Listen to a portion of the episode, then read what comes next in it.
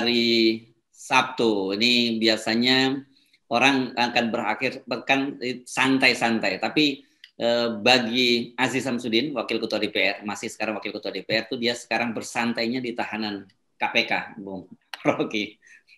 Ya, dia nggak berakhir pekan, dia berakhir jabatan oh, karena langsung mau diganti sama Erlangga. nah, ini menarik karena uh, kita menduga tadinya akan ada drama-drama meskipun tidak sedramatis uh, Setia Novanto ya setelah ditetapkan sebagai ya, tersangka gitu karena ada uh, buron apa dan sebagainya. Ternyata ini KPK nggak mau buang waktu, langsung didatangi rumahnya Aziz Samsudin kebetulan di rumah karena dia mengaku isoman, kemudian swab antigen dan ternyata begitu dia negatif langsung disuruh ganti baju dan diangkut. Ini menurut saya dramatis sekali ini apa yang terjadi pada Aziz Samsudin ini. Dramatis juga sekaligus tragedis, tragedi ini saya bilang. Dramatis, tragedis dan politis, pasti politis banget tuh. Iya. Karena kita tahu sejak beberapa bulan lalu kasus ini masuk dipanggil pertama, Golkar berusaha untuk uh, belain tuh. Hmm. Tapi mungkin dalam waktu dua tiga bulan ini Asis kurang setoran stop store sehingga Golkar merasa kurang ajar nih. Jadi publik merasa begitu kan, karena biasanya Golkar itu di depan bikin backup dulu, pasang pagar betis. Sekarang pagarnya digunting sendiri oleh Golkar. Jadi yang menarik adalah dalam setiap isu korupsi, apalagi yang menyangkut partai-partai besar, Golkar, PDIP, di belakang itu ada dua persoalan. Persoalan pertama adalah pundi-pundi yang dibagi tidak merata, itu udah, udah jadi rahasia umum. Yang kedua, persaingan-persaingan politis di antara tokoh-tokoh eh, partai-partai besar itu. Jadi cuma itu. Nah, kita hari ini bisa menduga bahwa itu dua hal itu ada di eh, dalam kasus Asis Syamsuddin hari ini. Karena uh, Golkar langsung ambil keputusan kita mau ganti tuh. Jadi artinya ada yang mendorong memang penggantian itu karena tadi kurang setoran atau ada persaingan politik yang nggak bisa lagi didamaikan di secara internal. Ya. Padahal Golkar terkenal mampu untuk melakukan konsolidasi internal supaya kasusnya nggak jadi kasus selebar jadi kasus publik. Jadi begitulah kita lihat pragmatisme dari Golkar dan kita bergembira karena setiap kali ada goncangan di dalam partai-partai pendukung itu adalah bonus untuk mempercepat end game. Ya. Nah, yang yang sangat menarik pada Golkar ini dalam setidaknya dalam dua pekan ini ada dua tokoh besarnya di Golkar yang dikena uh, kasus hukum. Sebelumnya ada mantan gubernur uh, Sumatera Selatan Erick Nurdin yang juga sekarang anggota fraksi Golkar itu dicokok oleh um, Kejaksaan Agung untuk kasusnya ya. Ini ada yang soal korupsi masjid dan sebagainya. Nah sekarang ada Aziz Samsudin. Ini pasti kita nggak bisa ngomong bahwa oh enggak ini karena dulu kasus hukum. Tapi kita pasti bicara bahwa ini ini bagian dari power game gitu di antara partai-partai koalisi pemerintah. Ya, super daya mengecil, power game membesar gitu. Biasanya begitu rumusnya. Dan uh, ini kan nama-nama yang udah masuk di dalam radar publik tuh. Uh, Nurdin, Asis. Jadi semua orang menganggap bahwa ya, ini kan cuma waktu nunggu waktu untuk tambahnya aja kan. Tetapi kita juga mesti ingat bahwa uh, Pak Firly tetap punya problem dengan integritas itu. Jadi kita mau hitung-hitung kan kasus Pak Firly tetap diingat sebagai pelanggaran etis yang seharusnya dihukum berat juga itu. Jadi di belakang itu ada semacam uh, interplay tadi dalam upaya untuk uh, saling menutupi kesalahan tuh. Sebelum dibongkar, gua bongkar nih. Jadi terlihat bahwa ada unsur lain di dalam soal-soal ini. Golkar terlalu besar, uh, petinggi-petingginya saling sikut menyikut tuh. Jadi mungkin sekali juga Erlangga ini uh, ada dalam ancaman politik karena uh, faksi dia makin kecil sebetulnya. Atau paling enggak upaya untuk Erlangga menguatkan kembali fondasi politiknya di Golkar karena terlihat bahwa mungkin Erlangga menganggap ini kok aparat gue nggak kerja nih elektabilitas gue kok segitu-gitu aja tuh Kan ini soalnya tuh. Sementara mungkin Presiden Jokowi menganggap bahwa ya kalau Golkar nggak kuat itu berarti sandaran alternatif dari Presiden juga nggak ada tuh. Maka Presiden mungkin kirim orang supaya oke okay, cari akal supaya Golkar itu diperkuat sehingga langsung firm bahwa akan ada dukungan pada presiden atau menjamin bahwa presiden tidak akan dipersoalkan kalau turun masa jabatan tuh, apalagi kalau dipercepat uh, 2024. Jadi di belakang itu analisisnya bisa panjang, tapi kita perpendek dulu untuk melihat prosesi uh, pembekukan.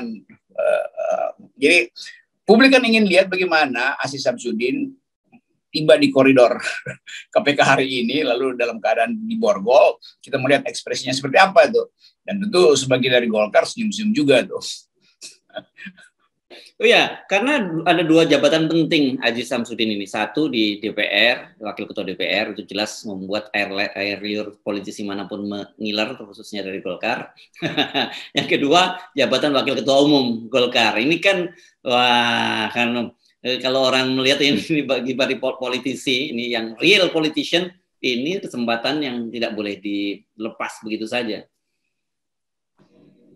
itu itu uh, kita lihat kimia di dalam Golkar dan di dalam kabinet terutama itu ada kimia lain orang menganggap kok Asis Syamsuddin bisa punya kekayaan ratusan miliar ya hmm. kan kemarin uh, harta kepejabatan kan dibuka dan orang masih anggap mungkin berkali-kali lipat juga tuh iya, iya. jadi segala macam hal akhirnya uh, berlaku sekarang ini terutama setelah Kris Dayanti mau cari publik Oh jangan-jangan banyak hal yang sebetulnya setara dengan Aziz Samsudin tapi dalam dalam eh, beberapa partai bahkan tapi hendak dis, disembunyikan tuh. Jadi Aziz Syamsuddin juga membuat ketar-ketir orang lain tuh karena bisa masuk dari uh, proses yang sama tuh. Kok Anda punya kekayaan sebesar itu tuh? Memang Aziz Syamsuddin ada kasus belinya yaitu soal menyogok uh, reserse KPK tuh. Tapi itu hanya satu satu segi aja. Segi lain bisa diterapkan pada pejabat yang lain juga tuh. Jadi kita bergembira sebetulnya walaupun kita tetap nggak percaya sama KPK ini KPK saya lebih percaya KPK-nya eh, jalanan yang dibuat kemarin yang juru bicaranya adalah Febri daripada KPK yang sekarang tuh. Tapi tetap publik ngotot untuk melihat di belakang ini gunung esnya apa itu. Ini kan cuman uh, iceberg aja soal Asis Samsudin dan uh, Nurdin. Ya, ya. Ya, jadi memang kita juga um, dan bukan hanya kita, saya kira publik juga um, melihat kasus ini lebih pada kasus politik. Bukan berarti bahwa tidak ada kasus hukumnya, ada kasus hukumnya, tapi kemudian Haji Samsudin bisa sampai ditangkap oleh KPK itu pasti ada uh, ada kalkulasi politik. Ya. Karena kalau kita runut ke belakang lagi yang sangat menarik, ternyata waktu Firly menjadi ketua KPK itu dipilih oleh Komisi 3 yang diketuai oleh Aziz Samsudin. Dan di media-media, ini kan ini jadi makanya saya tadi sebut tragedi. Di media-media disebutkan bahwa pada saat itu Firly ini dipilih oleh 56 orang anggota Komisi 3. Full semua memilih Firly dan disebut ada operasi senyap. Ya wajar kenapa disebut ada operasi senyap karena pada waktu itu kan kita tahu Firly ini sebelumnya adalah deputi penindakan di eh, KPK dan dia punya kasus Eh, kasus eh, kode etik. Sebelum dia dihukum oleh eh, Dewan Pengawas di KPK, dia sudah ditarik oleh Polri dan kemudian dipromosikan menjadi Kapolda Sumatera Selatan. Kan gitu ya Bung Rocky? Dari Kapolda Sumatera Selatan lah dia kemudian balik lagi ke KPK dan menjadi uh, apa ketua KPK ini menarik kalau Adis Samsudin bongkar-bongkar juga apa yang terjadi dalam operasi senyap sehingga Firly bisa dipilih oleh 56 orang anggota Komisi 3 itu Kira-kira itu latar politiknya. Ini kayak kayak kita baca uh, Mario Puzo nih ya Pak, uh, Godfather gitu kan. Iya, iya. Bahwa yang tadinya partner, kemudian ada kecelakaan kecil, uh, jadi pengkhianat, segala macam. Jadi sebetulnya poin kita selalu adalah bukan sekedar jumlah uang, tetapi koneksi-koneksi politik dan rahasia-rahasia uh, personal yang kemudian jadi latar belakang, tapi nanti satu waktu dia akan dibuka terbuka. Jadi sebaiknya kita ya kita provokasi aja supaya seluruh kejahatan politik itu juga diperlihatkan tuh. Apa sih sebetulnya yang dimaksud dengan operasi senyap? Kenapa pada waktu itu publik opini eh, seolah diabaikan oleh uh, Aziz Syamsuddin dan sekarang uh, berbalik bahwa Aziz Syamsuddin sebagai kingmaker uh, Firly itu uh, dijerat juga dan uh, itu agak jarang Pak Firly sendiri yang mengumumkan tadi malam kan bahwa Aziz Syamsuddin udah ditangkap, udah diketahui posisinya itu. Jadi dengan sangat gembira Pak Firly menangkap orang yang pernah meloloskan dia di di dalam uh, fit and proper test. Ini juga tanda tanya besar. Tuh. Enak juga nih lihat uh, versi Mario Puzo nih di dalam politik Indonesia. saya membayangkan tadi malam itu ketika jumpa pers itu kan Aziz Samsudin seperti biasa pakai rompi tahanan, eh, kemudian dia menghadap kepada tangannya di borgol, dia menghadap pada tembok, sementara di belakangnya Firly dengan wajah yang sumringah mengumumkan kepada publik. Eh, saya cuma bisa berempati membayangkan apa yang dipikirkan oleh Aziz Samsudin itu. Dan saya kira menurut saya kalau saya jadi Aziz Samsudin bongkar aja lah itu soal operasi senyap yang disebut ketika Firly Pauri jadi terpilih menjadi ketua, ketua KPK ya. Emang itu kan kita tinggal tunggu kan Asis Samsudin memberi sinyal bahwa dia bisa menunda tuh bahkan dia bilang nanti bulan Oktober dia datang tuh dan dan dengan gagah berani menganggap itu soal kecil tuh.